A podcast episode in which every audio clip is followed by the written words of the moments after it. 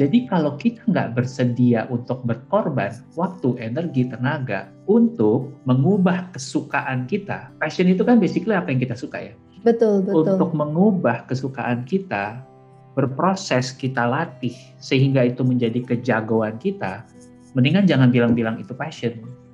Yes. Tapi kamu nggak serius. Pengen jadi pengusaha atau jadi karyawan? Ini pertanyaan yang sering banget ditanyain sama teman-teman yang baru lulus kuliah. Dan mungkin lulus kuliah di tengah pandemi agak unik ya, karena tantangannya pasti lebih uh, challenging, tapi banyak juga opportunity yang datang di tengah situasi kayak gini. Sekarang aku udah ada seorang sahabat aku yang keren banget, inspiratif, seorang content creator dan uh, business and financial enthusiast, Alexander Ruby. Halo Ruby, apa kabar? Halo Analisa, baik baik, apa kabar? Ya baik, alhamdulillah, thank you ya, udah mau diajak kolaborasi bareng di Analisa Channel. Sama-sama, ini nggak sengaja nih bajunya Kita, matching nih. Iya iya, nuansa agak purple gitu, terus kayak aja pengen agak beda gitu ya, karena menurut aku uh, Ruby ini tuh belakangan banyak konten-konten yang berbau-bau psikologi, awareness, mindful hmm. gitu. Boleh hmm. tahu kamu lagi ngalamin apa nih? Sesuatu kah di tengah pandemi ini sebagai seorang content creator dan entrepreneur? uh, ya tentunya ya, uh, rasanya campur aduk teman-teman. Jadi kalau saya ditanya sama teman-teman, biasanya saya mengilustrasikannya tuh uh, kayak gini. Saya sempat nonton satu video mm-hmm. di YouTube, ada orang yang sama pandemi ini, dia merekam dirinya sendiri dalam bentuk video, mm-hmm. seolah-olah lagi meeting. Terus waktu dia beneran meeting sama mm-hmm. timnya dia, yang diputerin itu videonya, dianya nggak nggak di depan eh, nggak di depan laptop, jadi dia kerjain Serius? hal lain. Okay. Dia melakukan itu selama seminggu dan gak ada yang nyadar. Wow, itu dia nah, kerja di sebuah perusahaan. Sebuah di perusahaan. Teman-teman cari deh YouTube-nya. Um, Kocak nah, ya? saya itu lagi ngerasa kayak gitu, mm-hmm. uh, ngerasa bisa nggak sih ada orang yang take over kerjaan gua, take mm-hmm. over responsibility gua, terus gue istirahat aja di belakang. I know, I, uh, aku bisa relate sih sama itu karena kadang aku yeah. juga sebagai seorang uh, entrepreneur juga ngalamin capek, ngalamin kayak pengen yeah. Pause dulu sebentar gitu mm -hmm. untuk mm -hmm. tidak terlalu berlari, tapi ternyata nggak mm -hmm. bisa gitu ya. Mm -hmm. Nah mm -hmm. ngomongin soal dilematis itu, karena seorang mm -hmm. uh, Alexander Ruby mungkin yang follow pasti udah pada tahu ya Ruby ini terkenal sebagai seseorang yang menginspirasi terutama uh, karir pet kamu yang dulu pernah kerja sebagai seorang karyawan. Boleh ceritain dulu dong background kamu di sini sebelumnya sebagai karyawan di perusahaan apa? Nah, menarik nih. Ini aku sambungin sama pertanyaan pertama ya, yang bicara soal psikologi kenapa gitu. Jadi uh, kebetulan aku baru ngerilis buku judulnya uh, You Do You, teman-teman. Hmm Uh, itu bisa didapetin di itu bisa didapetin buku. di semua Gramedia okay. dan bersyukur ini banyak orang yang relate jadi baru tiga bulan rilis udah masuk list bestsellernya Gramedia. Wow. Uh, nah lalu ke pertanyaannya tadi gitu. Mm -mm. Um, Aku mau yang versi tanda tangan Ruby ya. Eh siap nanti tak kirimin ya. ya siap siap terus um, terus terus. Mm. Saya pernah ngalamin sembilan mencoba bereksperimen dengan sembilan role yang berbeda. Yes. Uh, sampai akhirnya saya berada di titik yang saya ngerasa oke okay, ini kayaknya uh, sweet spotnya gue nih, bukan comfort zone ya. Uh-huh. Sweet spotnya gue dan gue bisa bilang ini paling dekat ke apa yang orang sebut dengan quote unquote ikigai gitu. Semacam uh, calling gitu ya. Yes, semacam okay. calling, semacam mm-hmm. purpose. Um, why you do what you do gitu ya. Exactly dan itu true story seorang Ruby yang akhirnya dituangkan dalam sebuah buku perjalanan karir kamu juga dong sampai di titik ini sebagai seorang content creator. Exactly, benar. Jadi uh, dari sembilan hal yang saya coba tadi, uh, mm-hmm. yang paling pertama nih, yang paling awal tuh mungkin teman-teman nggak kebayang ya. Saya dulu kerjaannya panas-panasan di lapangan, yang becek, lumpur, uh, kerjaannya gali lubang, tutup lubang, pakai ekskavator. Oke, okay. jangan ya. sangat ini banget ya, hard skill banget ya. Hard gitu ya. skill ya. banget. Mm-hmm. Dulu saya jualan alat berat. Uh, mm-hmm. Jadi kalau teman-teman lihat sepanjang jalur pembangunan MRT ada alat mm-hmm. berat berjejer, nah itu hampir semuanya saya bisa ngendarain. Um, Nggak nyangka benar, ya? serius. uh, terus, nah, terus. jadi uh, berproses habis itu saya pernah jadi product manager, bantu mm -hmm. sebuah startup bikin app dari nol sampai mm -hmm. jadi, kemudian pernah juga pendek sekali latihan vokal terus mencoba untuk jadi ya gitu deh penyanyi gitu ya ikut-ikutan uh, apa namanya audisi mm-hmm. uh, tapi hasilnya teman-teman bisa tahu nggak pernah ngeliat album saya di Spotify kan adanya podcast kan terus terus terus sempet nah, juga itu tuh kayak random banget ya dari yang alat berat sampai yep. pengen jadi seorang singer terus terus yep. Nah, itu yang menariknya teman-teman. Mm -mm. Uh, ketika kita aware, mm -mm. self awareness kita baik atau bahasa Indonesia-nya kita paham diri, Peka gitu ya. Mm -mm. Yes, kita jadi tahu bahwa ini sebenarnya kelihatannya kayak mm -mm. liar, mm -mm. tapi sebenarnya ada connecting dots ya teman-teman. Dan itu bisa dibilang sedikit karena faktor mm -mm. luck, mm -mm. karena sebagian besar karena memang uh, di diusahakan gitu. Yep. Misalnya waktu saya pindah dari sales alat berat ke pekerjaan mm-hmm. berikutnya uh, sebagai fotografer ya waktu itu fotoin makanan. Oke, okay, fotografer juga. Terus terus. Nah aku tuh berproses sekitar dua tahun. Jadi mm-hmm. Senin sampai Sabtu waktu itu kerja mm-hmm. masih Senin sampai Sabtu ya teman-teman. Mm-hmm. Ketahuan uh, di tahun berapa tuh? Ketahuan deh tahun berapa.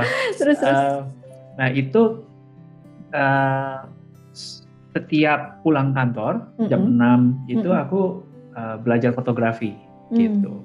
Lalu uh, Sabtu minggunya ketika ada project ya baru terima uh, kerjaan job foto. Nah begitu terus aja tuh kelatih mengasah skill ngumpulin portfolio mm -hmm. selama 2 tahun baru aku ngerasa oke okay, uh, solid nih gue mau pindah ke jalur baru ini. Jadi mm -hmm. kurang lebih gitu teman-teman.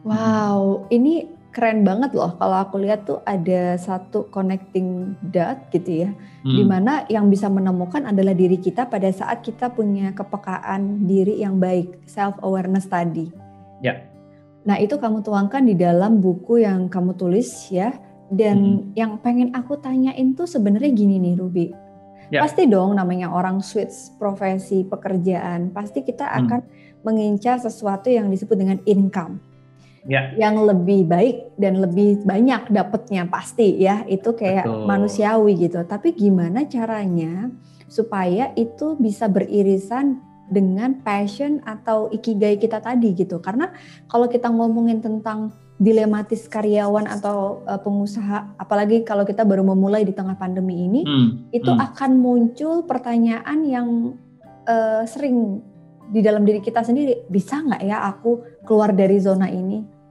Nah, oke. Okay. itu menurut Ini, kamu high income skill tuh apa sih yang perlu dipunya sebagai seorang pengusaha dan penting hmm. nggak hmm. sih seorang karyawan itu pada saat dia memang pengen punya satu dot yang dia temukan, dia juga perlu punya high income skill gitu. Perbedaannya apa nih high income skill seorang employee dan entrepreneur? Oke, nah mungkin aku jawab yang pertama dulu yang soal yes. ikigai. Jadi saya hmm. izin share screen ya teman-teman. Wow, menarik. Uh, boleh, boleh kebetulan, banget. Kebetulan uh, udah banyak uh, beberapa kali diminta share tentang ini, uh -huh. jadi aku ada ada slide-nya. Udah uh-huh. tampil?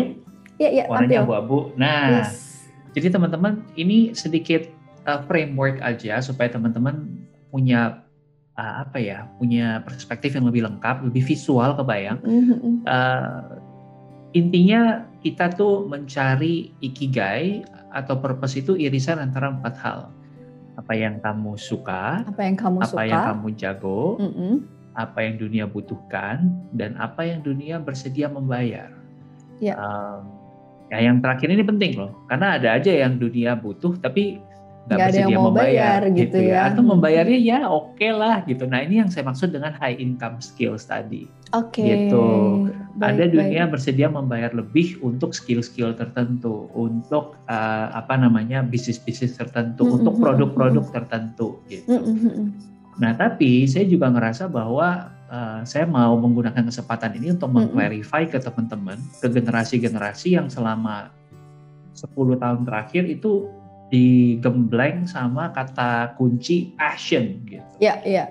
Uh, seolah-olah kata passion itu adalah salah satunya jalan menuju sukses. Padahal Padahal mm -mm. ya gitu, passion itu teman-teman kalau dilihat dari akar katanya dalam bahasa Latin itu artinya adalah to suffer. Hmm. Untuk berkorban. Jadi kalau kita nggak bersedia untuk berkorban waktu, energi, tenaga untuk mengubah kesukaan kita, passion itu kan basically apa yang kita suka ya. Betul, betul. Untuk mengubah kesukaan kita, berproses kita latih sehingga itu menjadi kejagoan kita, mendingan jangan bilang-bilang itu passion. Yes. Tapi kamu nggak serius. Nah karena mm -hmm. Apa yang kita suka aja nggak bisa nggak bisa menghasilkan gitu. Mm -hmm. Harus diubah menjadi apa yang kita jago. Nah okay. jadi mungkin sampai situ dulu. Mm -hmm. Nah kalau soal high income skills, um, sebenarnya kita udah bisa ngeliat sih trennya teman-teman. Um, saya coba cari sebentar ya. Ini kebetulan mm -hmm. baru aja uh, dua hari yang lalu aku taruh di Instagram saya. Mm -hmm. uh, saya coba tampilkan deh, biar teman-teman juga sekali lagi lebih kebayang ada visualnya. Wow, mantap banget sih. Uh, anak ini soalnya. mungkin ini anak visual ya. Iya, mungkin seperti yang kita bahas di YouTube saya gitu ya. Yes. Uh, obrolan kita uh, sebelumnya yang DISC. Mm -mm. Kayaknya saya ada sisi C-nya lumayan deh. Jadi nggak cuma lumayan deh, banget deh. Banget ya. Iya iya iya, tapi uh, itu juga ini ya, kayak yang aku sempat sampaikan itu kayak bisa ups and down juga tergantung profesi kita yang lagi mendukung kita untuk upgrade di sebelah mana nih DISC-nya yes. gitu nggak sih? Betul. Apa ini uh, nah, Mas Ruby? Okay. Ini riset yang aku temukan dari uh, source-nya ada di itu teman-teman bisa baca ya dari Federal mm -hmm. Reserve uh, riset tahun 2018 Nah, teman-teman lihat garis yang di tahun 1990 ini yes. adalah titik di mana uh, dunia itu mulai shifting. Hmm, uh, 1990 itu ya? Iya betul. Nah 1990 ke kiri berarti antara 1970 sampai 1990 itu terjadi perubahan di uh, dunia kerja karena hmm. orang bergerak menuju ke automation. Oke. Okay. Ya, jadi yang tadinya orang dikerjakan secara manual akhirnya dikerjakan sama mesin. Nah ini revolusi industri bahasanya, gitu. Yep. Banyak pabrik-pabrik gitu ya, banyak mesin-mesin. Mm -hmm. Nah tapi di tahun 2000 teman-teman lihat itu mulai beririsan ya, ada dua garis ini yang mulai membentuk mm -hmm. X. Uh, semakin banyak permintaan untuk pekerjaan-pekerjaan yang non repetitif, yang tidak berulang dan membutuhkan kapasitas uh, intelijensi atau kognitif yang tinggi gitu. Mm-hmm. Nah, pekerjaan-pekerjaan yang repetitif, ya, yang kapasitas kognitifnya rendah, skill kognitifnya rendah, itu semakin berkurang demandnya. Yes.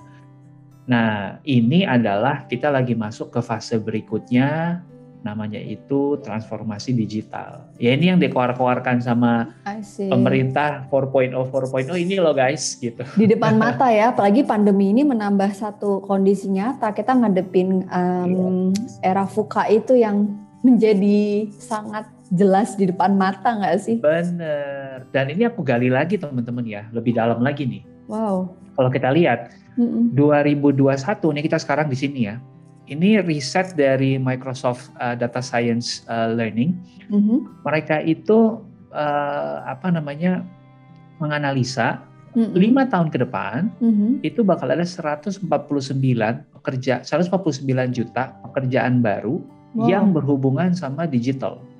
Oke okay, oke. Okay, nah okay. apa aja yang paling nomor satu dicari adalah yang berhubungan sama privacy mm-hmm. dan 6 juta sekitar cyber security karena makin banyak yang online ya kan kita belajar online uh, kuliah online kerja online mungkin di sini juga saya uh, ibadah juga sekarang online nih analisa nih iya iya bener ya nggak right? perlu betul betul betul betul nah makin banyak dari kita yang online makin perlu kita punya ahli-ahli cyber security karena yep. kan bahaya kalau ada hack dan segala macam. Betul betul. Nah teman-teman bisa baca sendiri tuh di bawahnya tuh ada data analytics, ada Machine software developer, learning, ya, AI, exactly. gitu ya.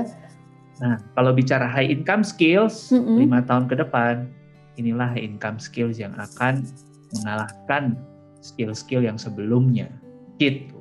Jadi ini namanya digital skills yang mungkin sebelumnya kita nggak kebayang ya sebelum pandemi mm-hmm. ini gitu. Tapi mm-hmm. ternyata sekarang teman-teman jadi lebih punya satu gambaran bahwa mereka yang bisa survival mode-nya itu keluar sebagai seorang uh, employee maupun entrepreneur adalah mereka yang bisa beradaptasi untuk meningkatkan atau upgrade uh, digital skill ini salah satunya. Uh, benar banget. Waduh. Banget. Nah, ini nih, kalau kita lihat kan berarti ini berbau terkait sama uh, cyber ya, digitalisasi gitu. Ya. Kalau menurut uh, seorang Ruby sendiri, ketika kita bicara tentang passion gitu, kita bicara tentang proses kita menjadi seorang pengusaha gitu ya.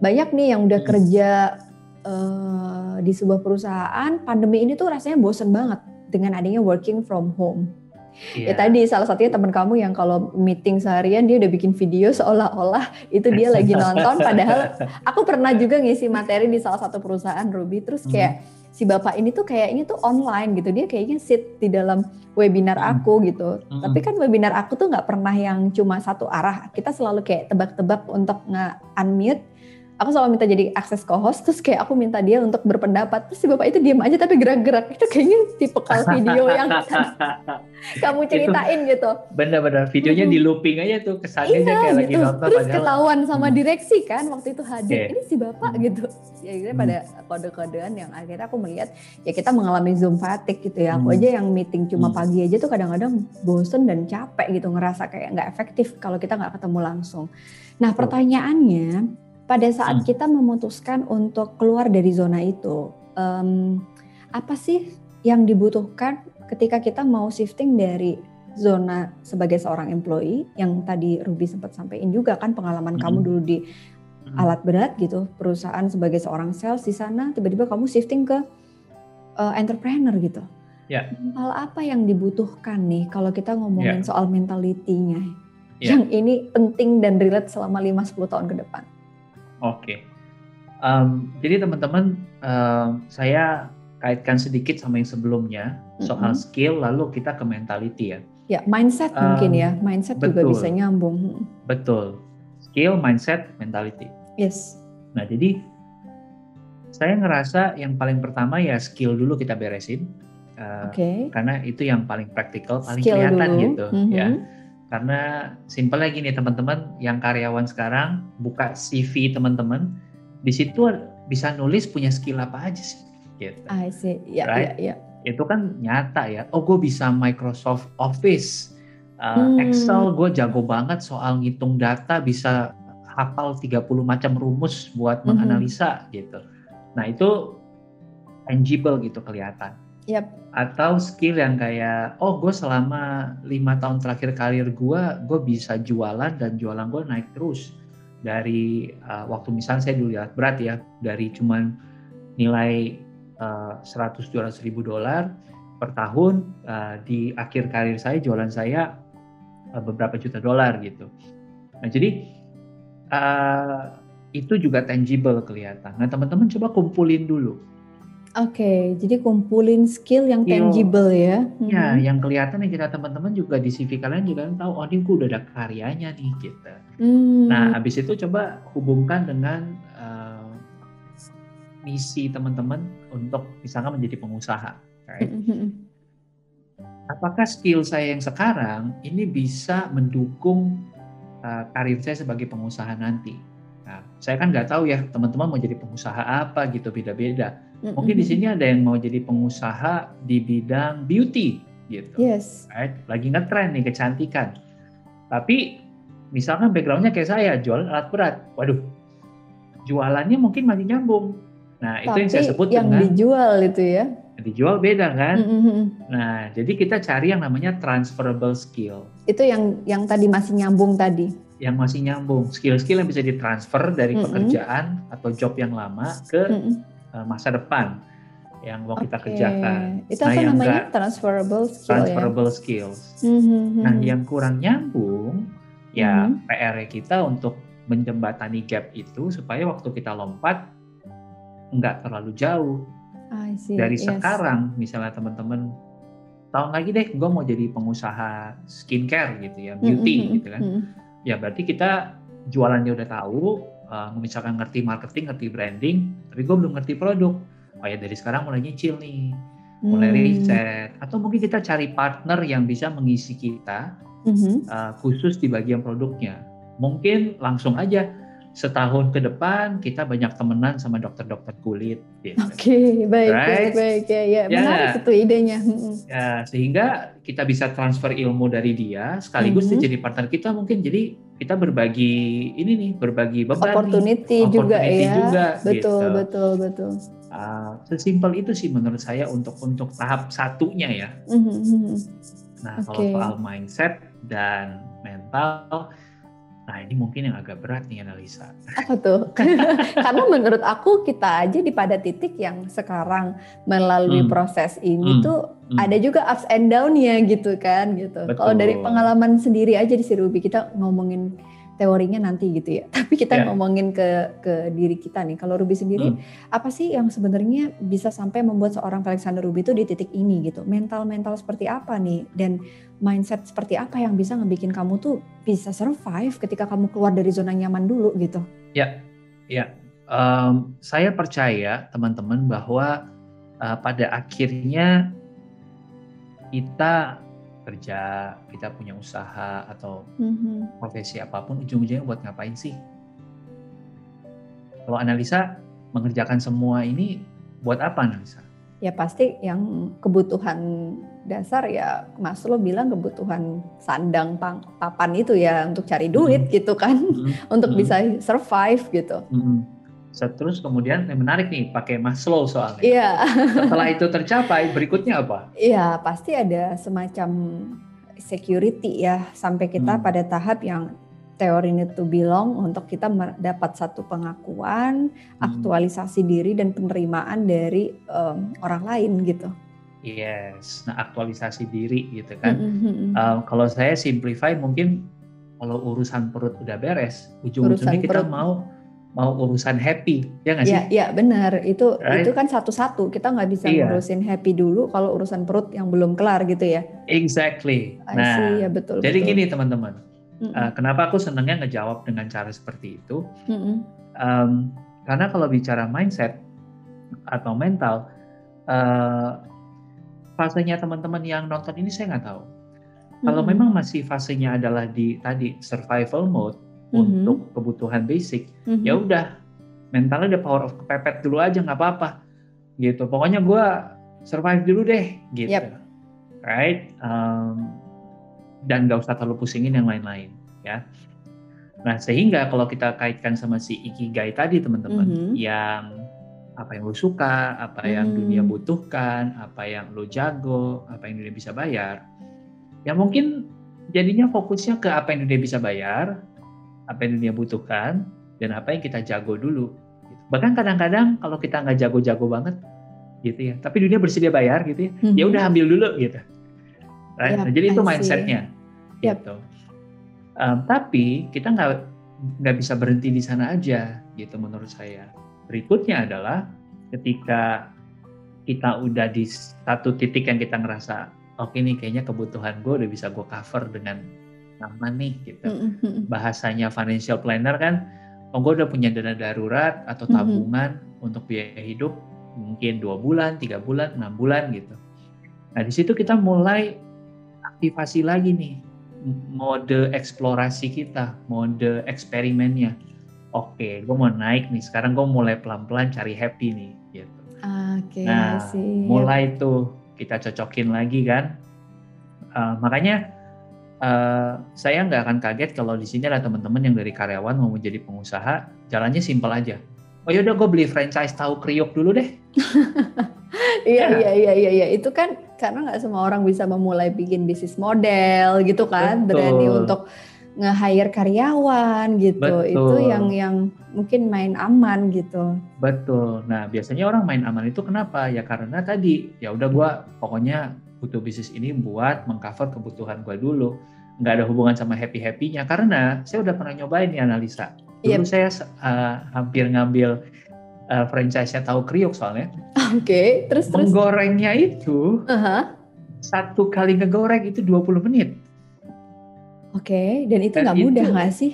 nggak boleh cuman didiemin uh -uh. itu harus diaduk nonstop Buset Jadi ya. tangan kita di begini terus nih 20 menit. 20 menit ngegoreng tahu ya sampai kuyup. Goreng tahu gitu sampai kuyup gitu ya. Oke. Okay. Nah mungkin di situ kan kita nggak ngerasa enjoyment, nggak ngerasa happy mungkin, yeah, but yeah, yeah, yeah, yeah. the money is good and that's okay, okay. Hmm. gitu. Nah setelah itu teman-teman, ya silakan kita mau ngejar happy-nya dengan, oke okay, mungkin dengan duit yang gue udah dapat dari tahu kriuk, uh, dari misalnya tadi satu franchise bisa menjadi tiga franchise dan sekarang udah cukup aman buat hidup, ada sisa berapa nih, ada tabungan berapa nih? Oke, kita memulai bisnis lain lagi yang lebih punya uh, dampak misalnya ke orang sekitar, yeah. lebih bisa bikin kita happy, lebih dekat dengan apa yang kita suka gitu. Atau kayak kalau contoh kita tadi skincare, ya mungkin ini jadi modal kamu buat bikin bisnis skincare gitu, karena kamu senang banget sama beauty gitu. Oke, jadi satu-satu ya. Satu-satu sih. Um, kalau case-nya seperti itu ya, ya mungkin di sini ada juga teman-teman di sini yang anak sultan, terus langsung kayak, oh ya udah, gue bikin skincare. Tinggal bikin proposal. Tinggal bikin aja. Bapak gitu. Sultan gitu ya, terus iya. ACC gitu ya. Uh, Tapi nggak salah juga kan kayak gak gitu. Nggak salah, nggak hmm. salah. Yang salah adalah kalau kita nggak self aware, nggak paham diri, kita tuh di fase mana? Lah kita makan aja susah terus masuk sultan. Wih jangan dong guys, ya, bahaya bener, guys, jangan bener sampai banget.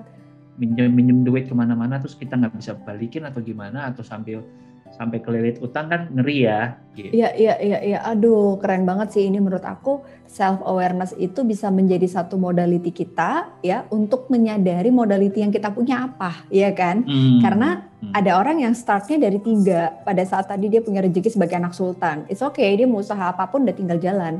Tapi ada juga hmm. orang yang startnya itu harus dari minus atau dari nol atau dari satu dan itu nah. kita nggak bisa comparing satu sama lain.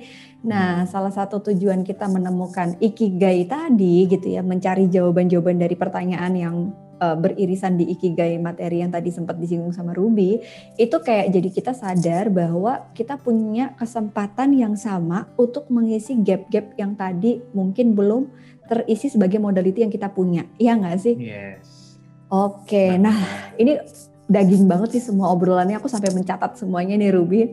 Oke, okay, okay. tapi nggak kerasa kita akan hmm. bikin di mental upgrade episode berikutnya, ya nggak yeah. sih?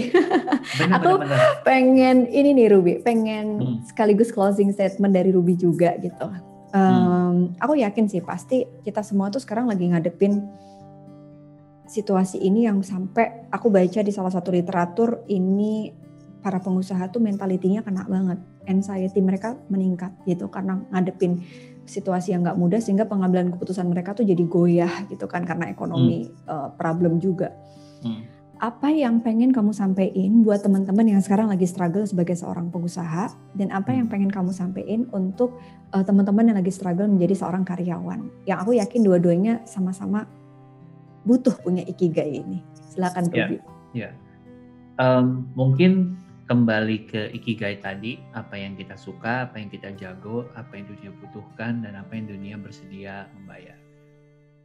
Kalau saya menjadi orang yang pragmatis banget ya, ya yang simple-simple dan bisa di, mudah dipraktekkan aja deh, Mas Rup, mm -hmm. gitu, realistis aja. Ya kita mengikuti ke mana dunia lagi mengarah. Maka yeah. tadi aku berikan contoh digital skills, mm -hmm. gitu teman-teman yang sekarang karyawan dan pengen upgrade skill teman-teman, banyak loh kalau kita mau Google. Microsoft itu ngasih courses gratis, nggak mm -hmm. usah bayar, cuma butuh sign up. Bisa belajar mulai dari data analytics, software engineering, uh, cyber security, semua yang tadi saya sebut itu ada modul-modulnya gratis. Dan itu gratis. Dan okay. itu gratis, teman-teman tinggal sign up. Ya. Yep. Uh, Walaupun itu skillnya dipakai untuk kerja sebagai karyawan, tapi itu menjadi modal nanti kalau kita mau jadi seorang pengusaha. Bisa banget gitu. Hmm. Nah, tapi jawabannya kan itu ya. Dunia lagi ngarah ke mana ya gue ngikut dong. Ikut. Jangan yes. ketinggalan, jangan ketinggalan wave-nya, jangan ketinggalan trennya gitu. Setuju, setuju. Um, Kemudian buat teman-teman yang mungkin uh, apa namanya terdampak dalam bentuk kalau tadi kan mungkin karyawan yang masih uh, ngantor Safe, gitu ya. ya. Nah, kalau mereka yang misalnya di rumah kan, iya uh, betul. Sama, tetap uh, upgrade digital skills tadi. Mm-hmm. Uh, ada riset yang menunjukkan kalau kita belajar digital skills dan kita dapat sertifikatnya, uh, itu menambah uh, potensi kita untuk di hire, bahkan uh, menambah potensi kita untuk naik gaji di pekerjaan berikutnya. Nah, uh, sambil menunggu, realistisnya ya kita cari potensi-potensi di mana kita bisa mencari extra income gitu. Um, teman-teman ada satu platform namanya itu bagi rata. Mm-hmm. Uh, saya ngelakuin ini sebenarnya platform donasi. Jadi saya banyak berdonasi lewat bagi rata. Bentuknya adalah orang-orang yang butuh bantuan. Kalau teman-teman sampai memang butuh banget, bisa masuk ke bagi rata, uh, tulis kebutuhan teman-teman. Nanti donasinya bisa disalurkan ke teman-teman langsung gitu. Um, itu mungkin yang saya bisa sarankan sambil ya teman-teman mulai coba cari uh, bisa masak, ayo jualan masakan, kasih ke teman-teman, cobain. Uh, uh, senang tanaman, di rumah banyak tanaman, terus kalian jago uh, bikin tanaman itu bertumbuh, berkembang biak, uh, bisa jualan tanaman. Nah sekarang kalau yang ke pengusaha ya, pengusaha agak lebih kompleks. Um, saya taruh terakhir, izin ya dua menit lagi kita beresin. Boleh, boleh, boleh. Um, buat teman-teman pengusaha, mungkin kita juga saatnya untuk lebih mindful sama hmm. tim kita. Uh, ya, saya paham satu tahun terakhir nggak gampang. Ya. Um, tapi lebih pusing lagi kalau kita atas nama profit kita hmm. nggak mengutamakan protokol kesehatan. Ya, betul. Gitu. Pada saat sekarang survival nomor satu. Cuma kita nanti akhir tahun kita bisa bilang, woi profit kita naik sekian persen, lalu sekian persen juga tim kita terdampak dan ya jangan sampai lah ya tok kayu jangan sampai ada yang lewat gitu. Uh, itu yang pertama, jadi mindsetnya. Jadi safety dulu teman-teman yang ya. pertama. Yeah. Kalau dulu saya sebagai pengusaha sebelum pandemi, saya akan taruh target kenaikan berapa persen, kenaikan berapa persen. Setiap tahun ya. Iya, sekarang saya lebih realistis. Apakah industri saya memang terdampak? Kalau industri hmm. saya terdampak, misalkan sekarang saya di airline, pesawat emang nggak terbang bro, lo mau naik berapa persen gitu. Oke, okay. right? jadi nah, KPI atau OKR-nya juga lebih realistik ya? Betul, kita realistik sama tim kita karena mm -hmm. tim kita pun uh, bekerja di dalam situasi pandemi. Gitu. Yang nggak biasa gitu ya? Yang nggak biasa. Nah jadi fokusnya tetap ke survival, bukan berarti kita nggak nggak cari mm -hmm. revenue, betul. Mm -hmm. Tapi pressure-nya itu alangkah baiknya kita normalkan sama situasi sekarang gitu. Kita sesuaikan dengan situasi sekarang. Um, itu sih menurut saya. Um, Good point. Dari pengusahanya sendiri, kalau ada kesempatan, uh, banyak-banyak ngelakuin hal yang bikin kamu happy. Uh, kalau butuh bantuan secara mental, ngobrollah sama profesional seperti analisa dan kawan-kawan. Uh, karena aku sendiri pun uh, yeah. cari bantuan profesional mm-hmm. um, dan kebetulan itu teman ya jadi mm-hmm. profesional yang nggak profesional sebenarnya terus itu gimana banget. itu efeknya oke okay, jadi kayak itu um, it works ya sama mm-hmm. seorang Ruby yang menjalankan peran sebagai seorang entrepreneur juga ya Nah, ini teman-teman, ternyata bener banget tadi apa yang disampaikan sama Alexander Ruby. Kita semua tuh cuma manusia biasa bro gitu, di mana ada ups and down-nya. Sehebat apa pun iya. kita, pasti namanya sebagai entrepreneur ini ada ekspektasi yang nggak bisa dipungkiri menjadi beban tersendiri hmm. gitu ya. Kayak yang kita hmm. bahas di episode hmm. waktu aku diajak collabs di YouTube channelnya Alexander Ruby. Hmm. Mengisi gap-gap atau memberikan intangible, uh, sorry, tangible skill sebagai satu upgrade diri jangan pernah takut untuk punya banyak skill. Hmm. Kumpulin itu sebagai portofolio, rubah hmm. mindset hmm. untuk bisa memenuhi ikigai kamu dan hmm. do action yang nantinya akan hmm. membawa kita pada satu high professional income apa pun profesinya. Hmm. Thank you Rumi hmm. udah join di uh, kali ini mental upgrade versi pertama kita. Semoga habis ini ada versi-versi berikutnya. Kalau ya. teman-teman suka sama konten-kontennya Alexander Ruby, bisa follow Instagramnya Alexander Ruby dan juga ada YouTube channelnya. Boleh dikasih tahu YouTube channelnya apa Ruby? Yes, uh, teman-teman bisa cari nama saya Felixandro Ruby, pakai mm -hmm. X, Sandronya, L-nya dua. Uh, nanti ditampilin kali ya. Um, Gitu sih teman-teman. Oke, okay, baiklah kalau begitu. Thank you banget uh, Ruby udah thank join you, dan you. ngobrol. Hmm. Ilmunya daging semua. Teman-teman kalau kalian suka sama konten ini, sebarin sebanyak-banyaknya. Jangan lupa subscribe juga kontennya Ruby. Dan yeah. kamu juga bisa kasih komen kira-kira apa yang bisa kamu dapetin dan kamu pengen dapetin di mental upgrade uh, versi berikutnya. Sampai jumpa, jaga kesehatan. See you, bye-bye. Assalamualaikum.